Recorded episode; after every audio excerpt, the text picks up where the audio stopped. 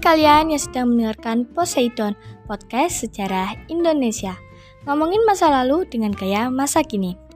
Assalamualaikum warahmatullahi wabarakatuh. Sebelum kalian mendengarkan podcast ini, izinkan saya memperkenalkan diri.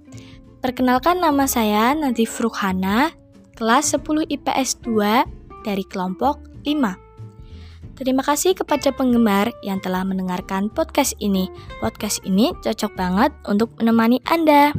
Selamat menikmati. Let's listen up. Podcast kali ini berjudul Periodisasi pada masa praaksara di Indonesia.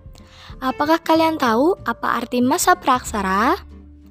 Arti masa praaksara disebut juga dengan masa nirleka. Nir yang artinya tidak ada dan leka artinya tulisan, yaitu masa praaksara tidak ada tulisan. Masa praaksara disebut juga dengan masa prasejarah, yaitu suatu masa di mana manusia belum mengenal tulisan. Apakah kalian tahu arti periodisasi? Periodisasi adalah proses mengkategorikan masa lalu menjadi blok waktu yang disikrit, terkuantifikasi, dan bernama untuk memfasilitasi studi serta analisis sejarah.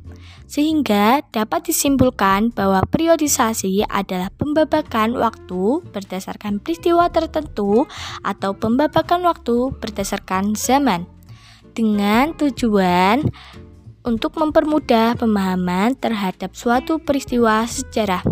Pada singkatnya, arti periodisasi masa prasara adalah masa kehidupan manusia sebelum mengenal tulisan. Wah, jauh berbeda bukan masa sekarang dengan masa dahulu? Nah, sekarang kita akan masuk ke pembahasan. Pada zaman dahulu ada zaman yang bernama zaman batu. Zaman batu, manusia praksara menggunakan alat kebudayaan yang berasal dari batu.